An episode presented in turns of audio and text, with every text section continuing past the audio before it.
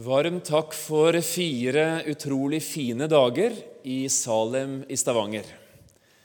Ei møteuke går veldig fort når den bare består av fire dager og fem møtesamvær. Og Den som holder ut inntil enden, han skal bli trøtt, og det ser jeg det er en del av dere som har gjort. Velkommen også til det siste samværet i denne møteuka. Eh, hadde jeg vinger, så ville jeg fly sies det av og til. Jeg har ikke vinger, men jeg har billett, og derfor så tenker jeg å fly tilbake til Bergen i kveld. Og Når jeg sier det, så er det for å si at hvis det er noen som tenker på å ta med seg noe av det som ligger i alle fall av CD-cover ute på bordet her, så gjør dere det veldig fort etter møtet er ferdig. For så legger jeg det som er igjen, i en koffert, og så bærer det til Sola og etter hvert til Flesland og Bergen. Hvis jeg skulle ha laget en annen overskrift enn det som er tema for denne siste samlingen, mot målet, så ville jeg ha kalt det for 16 minutter som forandret verden. Og Kanskje du kan ha det med deg når vi nå skal ganske snart lese fra Bibelen. 16 minutter som forandret verden. Før vi leser, La oss be sammen. Far i himmelen, vi takker for enda en anledning å være under påvirkning av ditt ord. Herre, la ordet ditt ikke bare nå oss, men ta tak i oss. Og gjør det under i kveld, Herre, at mange i dette møtelokalet går ut fra samværet i kveld annerledes enn de var da de kom inn. Når vi nå skal løfte fram målet, Herre, vil du gi oss det lyset og den varmen som vi trenger for å formidle det rett, og den ånd, Herre, som kan åpne blinde øyne. Herre, la oss virkelig få se. Amen. Uttrykket 'mot målet' er altså det siste i serien vi har om veien. Det har handlet om veien, underveis, hindringer, sammen på veien, og nå altså mot målet. Dette uttrykket er hentet fra Bibelen, men det er brukt bare én eneste gang i hele Bibelen. Og nå leser vi det bibelavsnittet hvor uttrykket 'mot målet' er å finne. Paulus skriver et brev til den menigheten han kanskje var aller tettest knyttet til, menigheten i Filippi. Og I Filipperbrevet 3 leser vi nå to korte avsnitt som vi setter sammen. Prøv å høre og lese det som nå kommer som det skulle være helt nytt for dem. Filipperbrevet i kapittel 3 fra vers 12. Ikke så at jeg alt har grepet dette. Unnskyld, ikke så at jeg alt har nådd dette, eller allerede er fullkommen. Men jeg jager etter det for å kunne gripe det fordi jeg selv er grepet av Kristus Jesus. Brødre, jeg mener ikke om meg selv at jeg har grepet det, men ett gjør jeg.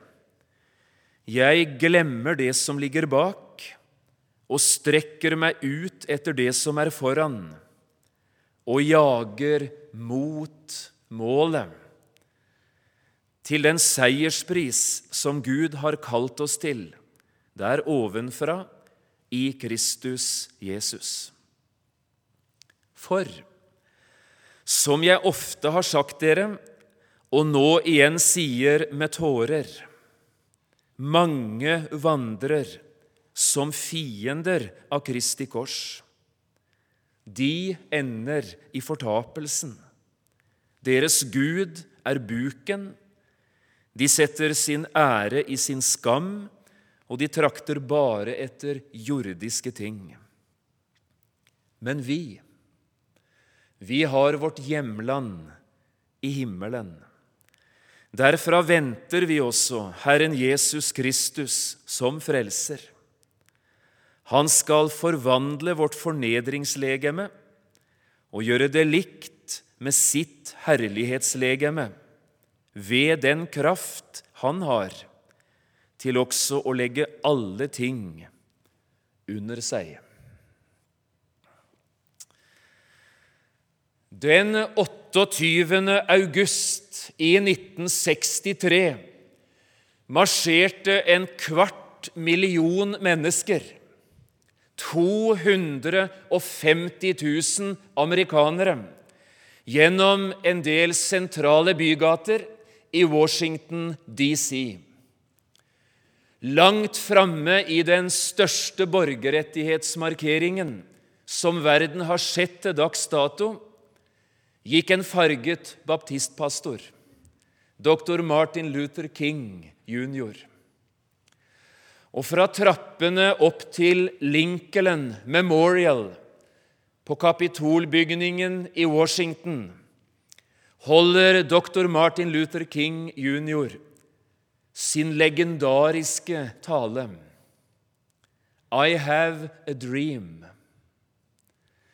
Den tok 16 minutter, og det skulle bli 16 minutter som forandret verden. I disse minuttene bar en amerikansk baptistpastor fram en drøm. Og denne drømmen styrte han, drev han og tok til slutt livet av han. Drømmen var denne.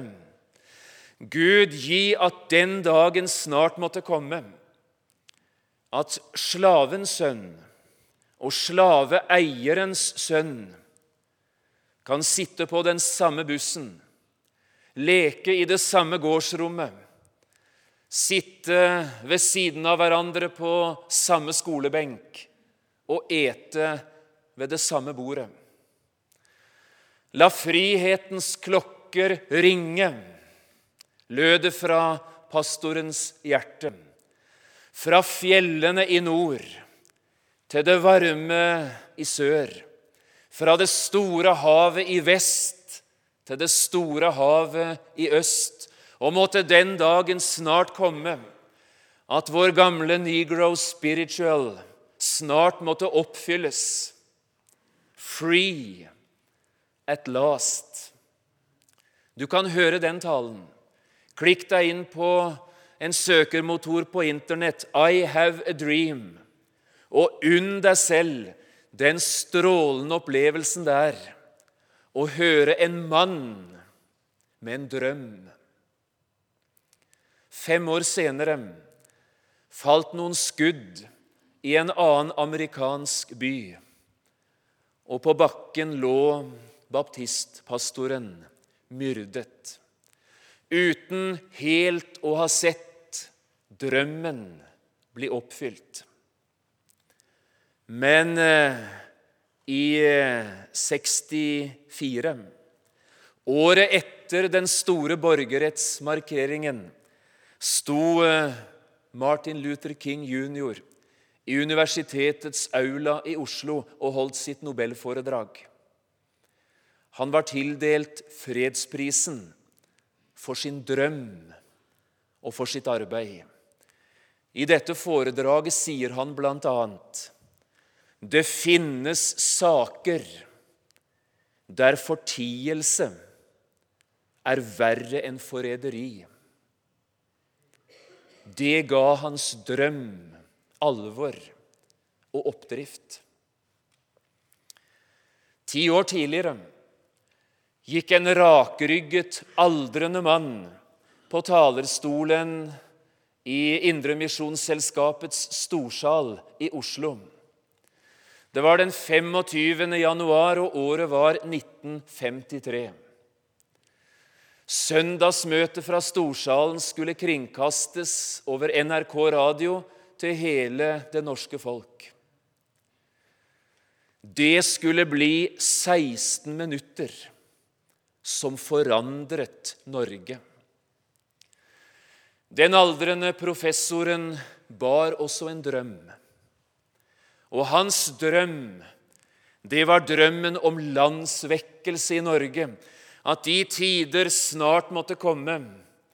At det norske folk som folk seig i kne for den levende Gud og ba han om nåde og tilgivelse for sine synder.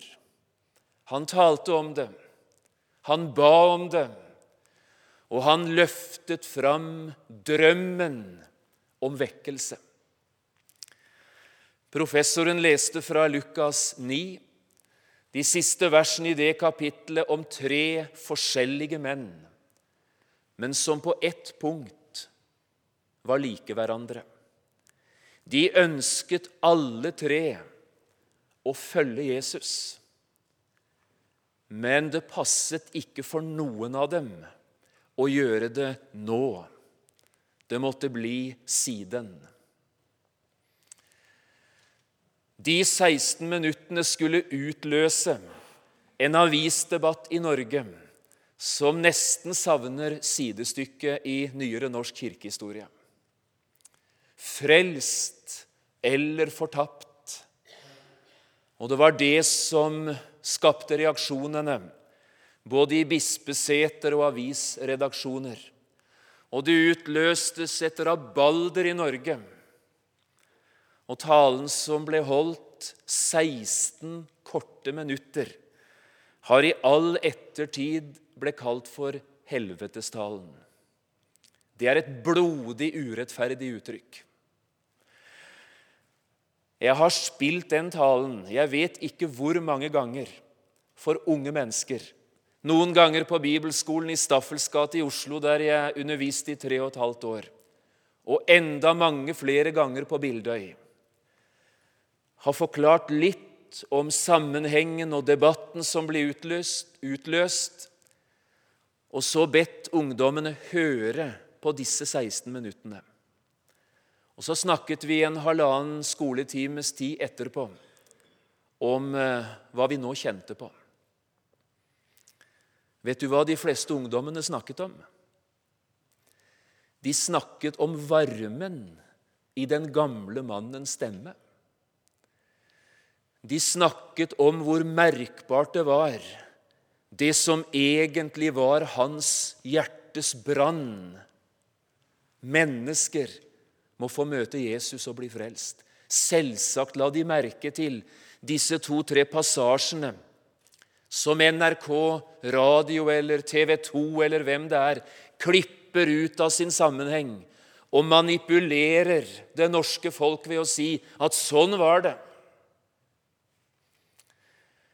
De la merke til uttrykkene, men det som satt, det var drømmen.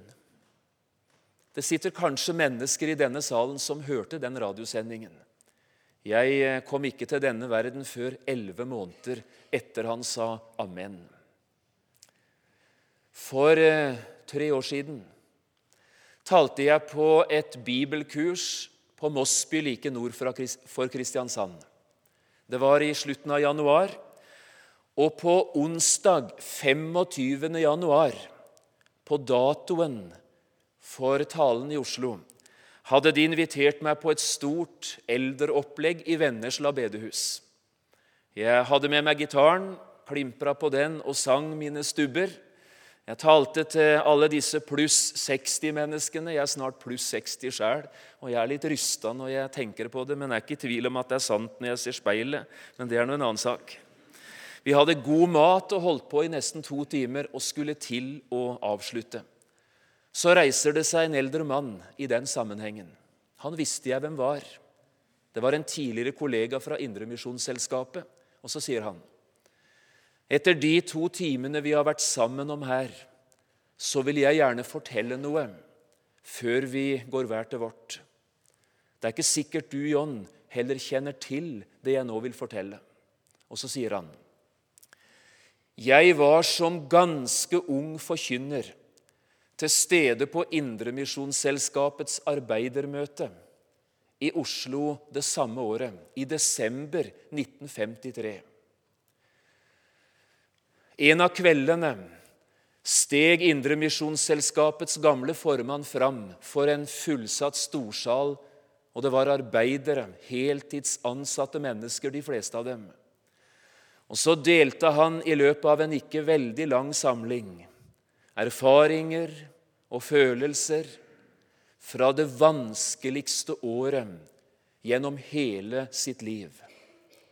Men så sier kristiansanderen Men jeg skal aldri glemme da den eh, rakryggede professoren smilte og slo armene ut, og så sier han men, mine venner, i løpet av dette året har jeg mottatt mer enn tusen brev fra kvinner og menn over hele vårt kjære land, som etter den søndag kveld måttet gjøre opp sin sak med Gud og ble frelst.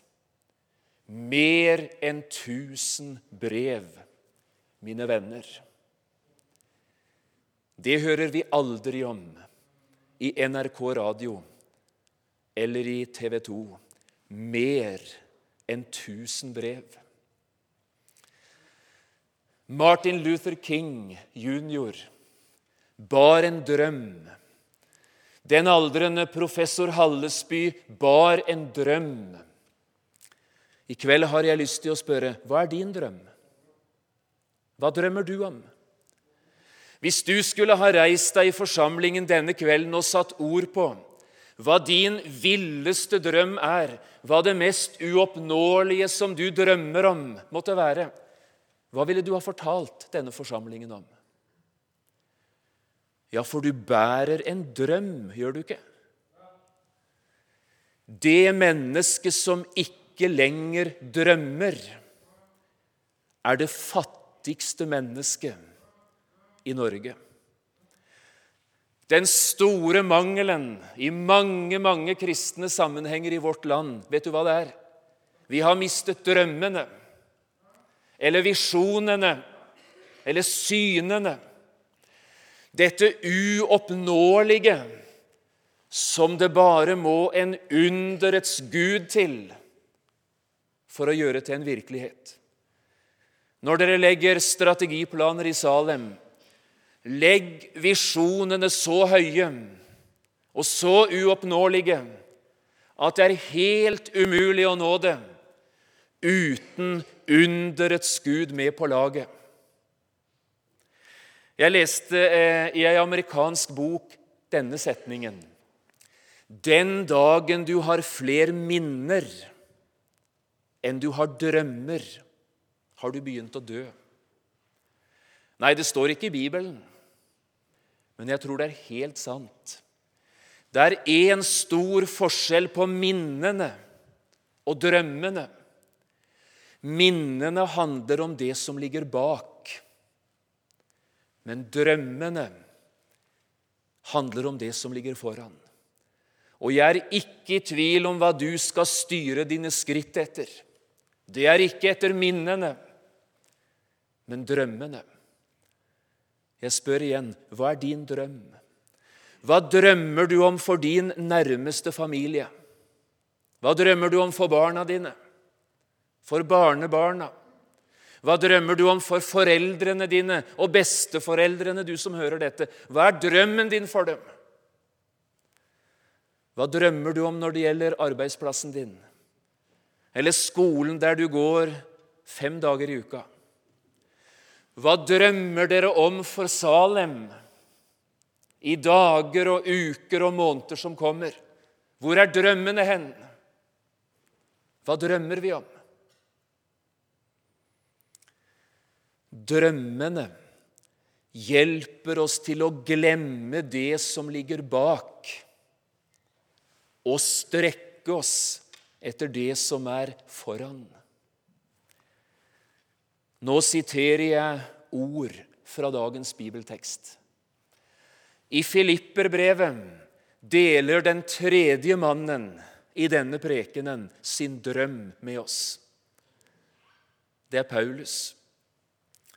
Han sitter i et fengsel i Roma. formulerer et brev som skal leses som et brev, og sender det av sted til gode venner i det østlige Hellas. Og her setter han ord på drømmen. Filipperbrevet består av fire kapitler og 104 vers. Leser du dette i sammenheng som et brev, og det er jo det det er, tar det deg 16 minutter å lese det brevet rolig igjennom. Og jeg skal love deg, det kan bli 16 minutter som forandrer hjertet. Jeg har en drøm, sier Paulus.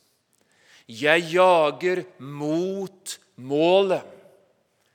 Og Nå skal du få høre hva drømmen hans er, eller hva målet er. Det handler om to ting. Og Paulus er krystallklar i sin drøm. Det er én drøm. Det er ett mål som jeg må nå før døden, mens jeg lever. Og når jeg ikke dette målet mens jeg lever, så når jeg det aldri. Det er dette at de må bli frelst. At disse dyrebare, tankeløse menneskene som jeg er sammen med på veien, på livsreisen, jødefolket, mitt folk, og så mengden av hedningefolk, at de må bli frelst det, det er drømmen. Den ble født noen hundre meter utenfor bymuren i Damaskus. Mannen som var på vei til Syrias hovedstad, så for seg menn, kvinner og gjerne barn. Om de hørte veien til, skulle han gjøre det som sto i hans makt, ikke bare for å lenkebinde de og fengsle de, men gjerne for å utrydde Jesus-smitten og sende de ut av denne verden. Men Damaskusveien skulle bli den store omveltningen i forfølgerens liv. Det ble født en drøm, og drømmen var dette. Herre, gjør en forfølger til en forkynner og gjør en innadvendt, selvopptatt, skriftlærd, velutdannet jøde til et redskap i din hånd, Herre. At mennesker ved mine ord, ved mitt liv, min, ved min tjeneste, kunne bli frelst. Og det er denne drømmen som driver han her. Hør på dette. Mange vandrer. Ikke få, ikke noen enkelte innimellom. Mange. Det gjelder en drøss av mennesker. Mange vandrer. Det preger deres tankesett, deres livsførsel, deres prioriteringer. Det er hele deres liv. Mange vandrer som fiender av Kristi kors. Det er satt i gang en redningsaksjon i denne verden fra himmelens side, med omkostninger som overgår alt vi har sett av redningsaksjoner både før og siden. Men han som betalte alle utgiftene, og som sendte redningsmannen til verden, Gud selv, han gjorde det i en kombinasjon av hjertets kjærlighet og hjertets ulevelige smerte. De er fiender, Guds fiender. Og så skjedde det etter at redningstauet var kastet ut i folkehavet, at de fleste snudde ryggen til og sa nei. Mange vandrer. Jeg har ofte sagt det til dere. Dette er ikke nyheter for dere i Filippi. Det var derfor jeg kom til Europa første gangen. Nå sier jeg det med tårer. Han sitter i et toårig fangenskap i Roma. Og i rommet der Paulus sitter mens han skriver disse 104 versene, renner tårene. Men det er ikke selvmedlidenhet. Det er ikke en mann som syns synd på seg sjøl. Det er en mann med en drøm, og drømmen hadde sin pris. Det verste for han, og jeg ser for meg rullen han siden sendte, full av ord, Filipperbrevet. Jeg ser for meg denne setningen. Deres ende er fortapelsen. Det er smerten. Det er tårene. Fortapelsen er avlyst i Norge nå. Den er blitt avlyst gjennom de siste årene av stadig flere mennesker som du skulle ha ventet helt andre ting av. Og fordi den er avlyst, tales den ikke om lenger. Og hvis den nevnes, ja, så er det for å fortelle at dette har pietistene skapt, og gamle religiøse forestillinger. Men Gud er ikke slik. I alle fall ikke hvis han er kjærlighet. I kveld har jeg lyst til å si, uten å bruke mye stemme, i himmelen hos Gud er fortapelsen ikke avlyst.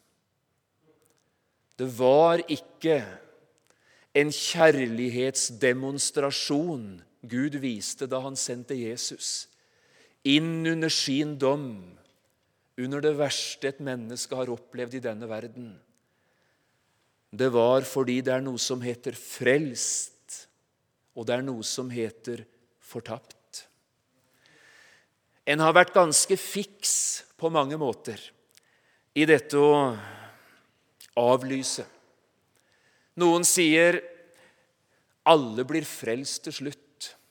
Til sjuende og sist skal Gud samle alt til ett i Kristus. Og Så leser en fra Efeserbrevet 1.10, henter en setning ut av sin sammenheng, og så sier en Gud skal samle alt til ett i Kristus.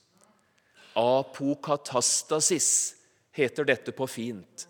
Og det er en lære som ikke er født i vår generasjon. Den har vært i verden så lenge evangeliet har vært forkynt. Går du til veis ende i den måten å tenke på, får du høre at til og med djevelen blir frelst til slutt. Var det det du lærte på søndagsskolen? Er det det du leser i Bibelen? Brødre, sier Paulus, mitt hjertes ønske og min bønn til Gud for dem er at de må bli frelst. Og drømmen, målet, tenker Paulus om på denne måten. Når jeg ikke dette målet mens jeg lever, så når jeg det aldri. I årevis bar han drømmen om Roma. I romerbrevet skriver han, 'Tenk om den dagen snart ville komme, at jeg får komme til Roma' og dele evangeliet med dere som allerede tror, og så være et vitne i den store verdenshovedstaden. Den drømmen ble oppfylt, men på en annen måte enn han hadde tenkt. Han kom lenkebundet, og hans to første år i Roma var år med lenker. I Filippi, hans kjæreste venner og beste støttespillere, fortvilte de. Hvor er Gud hen? Hvordan kan Gud tillate at det store redskapet skal sitte i Roma med alle disse mulighetene? Lenkebundet. Og så kommer det her i Filippe brev 1. Brødre, sier han, jeg vil dere skal vite at det som er skjedd med meg, heller har blitt til fremgang for evangeliet. Her er kommet soldat etter soldat på vakt og i hvert eneste vaktskift har Gud sendt misjonsmarken inn til meg i rommet. Og enten de ville det eller ikke, har jeg delt evangeliet med dem i timevis. Mange av dem, skriver Paulus, er frelst. Evangeliet og troen og ordet om Jesus har nådd helt inn i keiserens hus. Guds veier er usporlige. Og ikke bare det, sier, sier Paulus. Men det er mange frie mennesker i Roma som kjenner Jesus, og som deler evangeliet. De gjør det nå med enda større frimodighet enn de noen gang har gjort. Det er ikke alle disse jeg er enig med på alle punkt, men de forkynner evangeliet, og jeg gleder meg. Og jeg tror at lenkene ble Guds mulighet i Roma. Mannen, drømmen, at de må bli frelst. Den drømmen må aldri dø i Salem, i Stavanger. Det er derfor vi er her. At de må bli frelst. Vi er vel på vei mot det målet. Den andre drømmen, det andre målet, vil Paulus aldri nå i dette livet, og han vet det. Vi har vårt hjemland i himmelen. Derfra venter vi òg Herren Jesus Kristus som frelser. Han skal forvandle vårt fornedringslegeme og gjøre det likt med det herlighetslegeme han har. Det er drømmen om himmelen og livet og håpet og framtiden og evigheten. Det er bare så kort en tid, så kommer Han som komme skal. Han skal ikke dryge. Og Gud gi, han fant meg våken og ventende og opptatt med å dele Hans ord den dagen han kommer. En ny forventning, et nytt hjemland, et nytt legeme, en ny framtid. Det er drømmen. Hvor har du tenkt deg hen? Hva er ditt mål? Hva er målet her i tiden? Og hva er målet i evigheten? Jeg sier det igjen den dagen vi har flere minner enn vi har drømmer, har vi begynt å dø. Et kristenmenneske kan dø innenfra. Og et forsamlingsliv kan visne og råtne og dø innenfra. Om drømmene, visjonene, synene ikke vannes og pleies og så langt mulig virkeliggjøres. Ser du det? For å nå målet, for å virkeliggjøre drømmen, er det noe som skal legges bak. Jeg glemmer det som ligger bak. Og La meg nå helt i slutten få si et lite ord om to ting jeg tror du skal be Gud mye om hjelp til å få glemme. Det ene er dine synder, din fortid, ditt gamle liv, det som stadig dukker opp for deg, og som djevelen kynisk bruker når du står på terskelen av å skulle ta en utfordring. Si et ja, gå inn i ei oppgave, skritte ut over båtripa og sjekke om det holder når Jesus sier 'Kom', men det er vannet du skal gå på. Når de avgjørende ting når mulighetenes øyeblikk kommer i et kristenmenneskes liv, skjelver djevelen. Og så sier han, 'Glem ikke hvem du er.' Du husker hva som skjedde. Du har ikke glemt hva du gjorde. Ditt svik, ditt fall, ditt nederlag, din skam. Du må aldri tro at du kan bli det du drømmer om. Du hadde dine muligheter, men du sviktet. Glem det. Sitter det mennesker i denne forsamlingen som plages i sin samvittighet av gamle synder? Eller bitre nederlag? Noen av de er skjult for andre, men andre er så åpenbare at du er ikke alene om å kjenne til det. Sitter det mennesker i denne forsamling som er styrt av sin fortid og av de vonde ting. Jeg har lyst i Jesu navn å si 'legg det bak'. Glem det. Jeg vet det er ting i livet vi aldri helt kan glemme. Noen ting trenger vi menneskers hjelp, kanskje ikke én samtale, men lang bearbeiding for å få lagt bak. Og vi glemmer det vel egentlig aldri. Og allikevel vil jeg si glem det, det som ligger bak. Og ikke la det fylle din tanke og styre dine skritt. Når Gud utsletter alle våre synder, så er det viktigere at Gud har glemt og ser bort fra, enn at du aldri helt klarer å glemme. Det er viktigere å forholde seg til hva Gud ikke ser, enn hva du fremdeles husker. Glem det. Legg det bak. Det har gjort vondt nok i livet ditt. De bitre nederlagene og fallene som førte skam med seg. Det har gjort vondt nok. Legg det bak. Ikke la det styre lenger. Gjør noe med det vonde, så ikke det vonde lenger skal gjøre noe med deg. Ta det inn under tilgivelsen, det som ikke er rydda opp i. Gå inn under blodet med det og si, 'Herre, for Jesus skyld, tilgi meg.' Gi meg å rette ryggen igjen. La meg få begynne på nytt. Og tjen så Herren med glede. Det andre jeg vil be deg legge bak deg, det er dine store opplevelser. Det er dine største øyeblikk.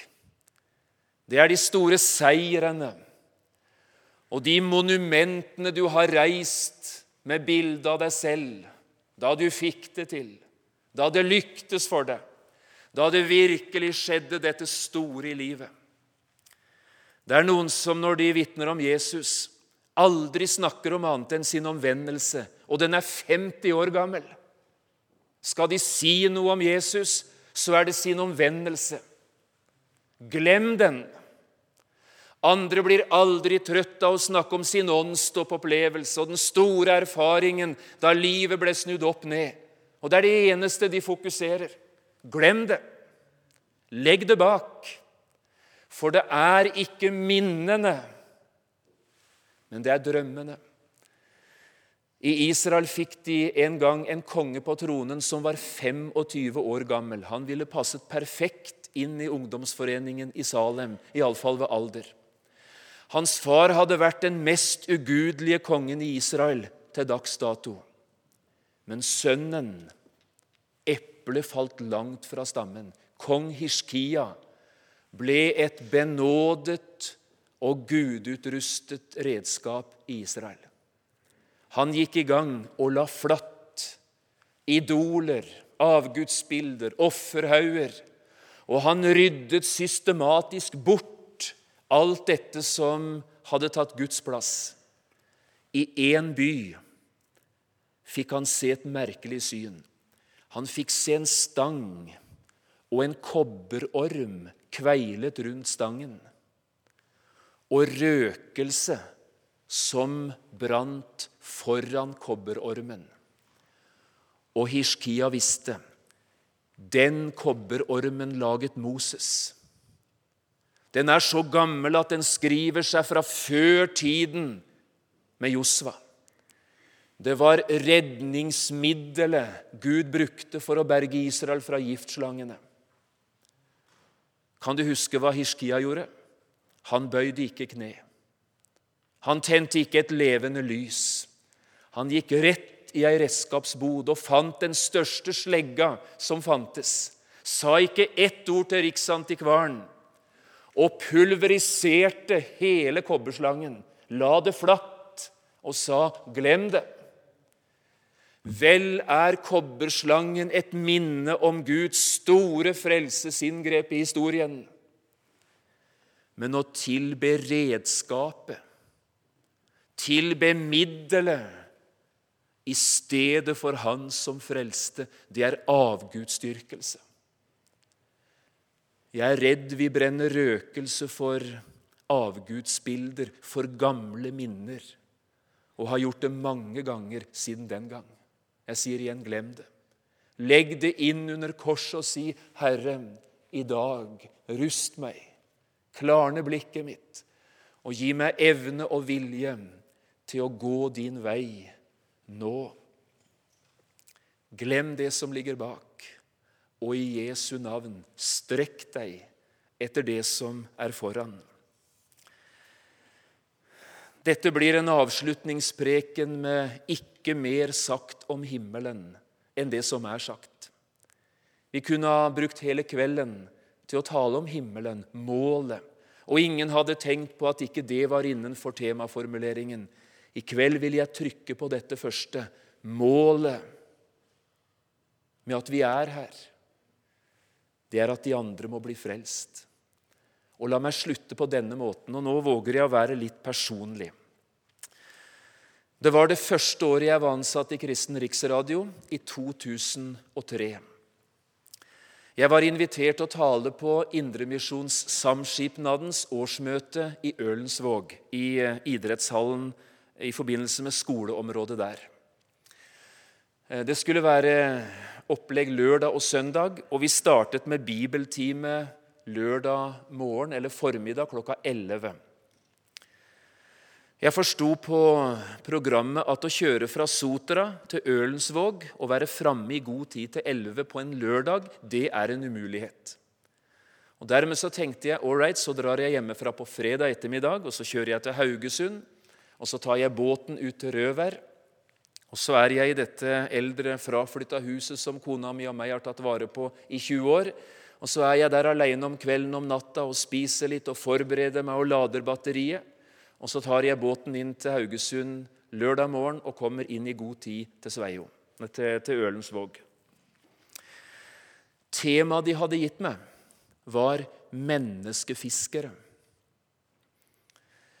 Da jeg kom ned til båten på lørdag morgen, var det én passasjer. Det var meg. Mannskapet besto av tre, og den ene hadde som oppgave å ta betaling av alle passasjerene. Og For meg var det gjort på 15 sekunder. Og Så ble han sittende og snakke med meg, billettøren, i 25 minutter. Det er ingen her som ikke husker det som skjedde da HSD-hurtigbåten Sleipner gikk på grunn ved Store Bloksten like vest av Ryvarden fyr.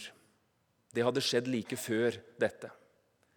16 mennesker omkom i den tragedien. Da SOS-signalene ble sendt fra Sleipner, lå Røverfjord, båten som jeg var om bord på, ved kai i Haugesund. Og den første båten som kom til det området, det var Røverfjord. De var to mann om bord. De lå i Haugesund med tanke på en liten reparasjon dagen etter. Én sto på broa, og én sto og så på menneskene i sjøen. Det var han jeg satt og snakket med. Og det var dette vi snakket om. Han ble aldri egentlig helt menneske etter den ulykken. Jeg tror ikke psykologer, sier han, er klar over hva det egentlig betyr å kjøre fram og tilbake og tilbake og fram flere ganger om dagen når jeg er på vakt. Og vrir jeg ansiktet riktig veien, så ser jeg mot stedet det skjedde. Og så sier han blant annet Det verste for meg, John, etter den ulykken Han berget noen. Det verste for meg etter den ulykken var jeg var så tom for krefter. Å hoppe i en iskald sjø uten overlevingsdrakt og prøve å grabbe tak, og så bli dratt opp igjen. Det tappet meg for krefter på no time. Og det verste for meg har vært dette. Hadde jeg vært litt sterkere og hatt litt mer kraft, kunne jeg kanskje ha gjort ett hopp til. Men jeg var tom, og de gikk under alle dem jeg ikke nådde. Og så skulle jeg til Ølensvåg og snakke om å være menneskefiskere. Menneskefiskere. Jeg har lyst til å avslutte på denne måten. Kjære tilhører denne kvelden. Du makter ett hopp til. Gjør du ikke det? Du har krefter til én runde til. Det er fremdeles drøssevis av mennesker i folkehavet. Og det er noen som må gjøre strategiske hopp i havet. Og vi har kreftene til det, har vi ikke? Gjør et hopp til. Far i himmelen, vi ber at du fornyer drømmen i våre hjerter. Vi ber om at du blankpusser ikke bare øynene våre, men livet vårt og hjertet vårt og motivene våre, så vi aldri mer vil glemme det, at de må bli frelst. Herre, vi vet du har beredt en hvile for oss, en strålende framtid, et evig herlighetsrike på den andre siden av døden. Men vi vet òg at så lenge vi er her, kalte du oss til å være menneskefiskere. Se denne store flokk av mennesker i Salem i kveld, som også dette kallet gjelder. Og gi oss hver eneste en av oss syn for å gjøre ett hopp til. Sitter det her som hadde tenkt å melde seg ut, svare nei på et spørsmål? Herre, forny kallet. I Jesu navn. Amen.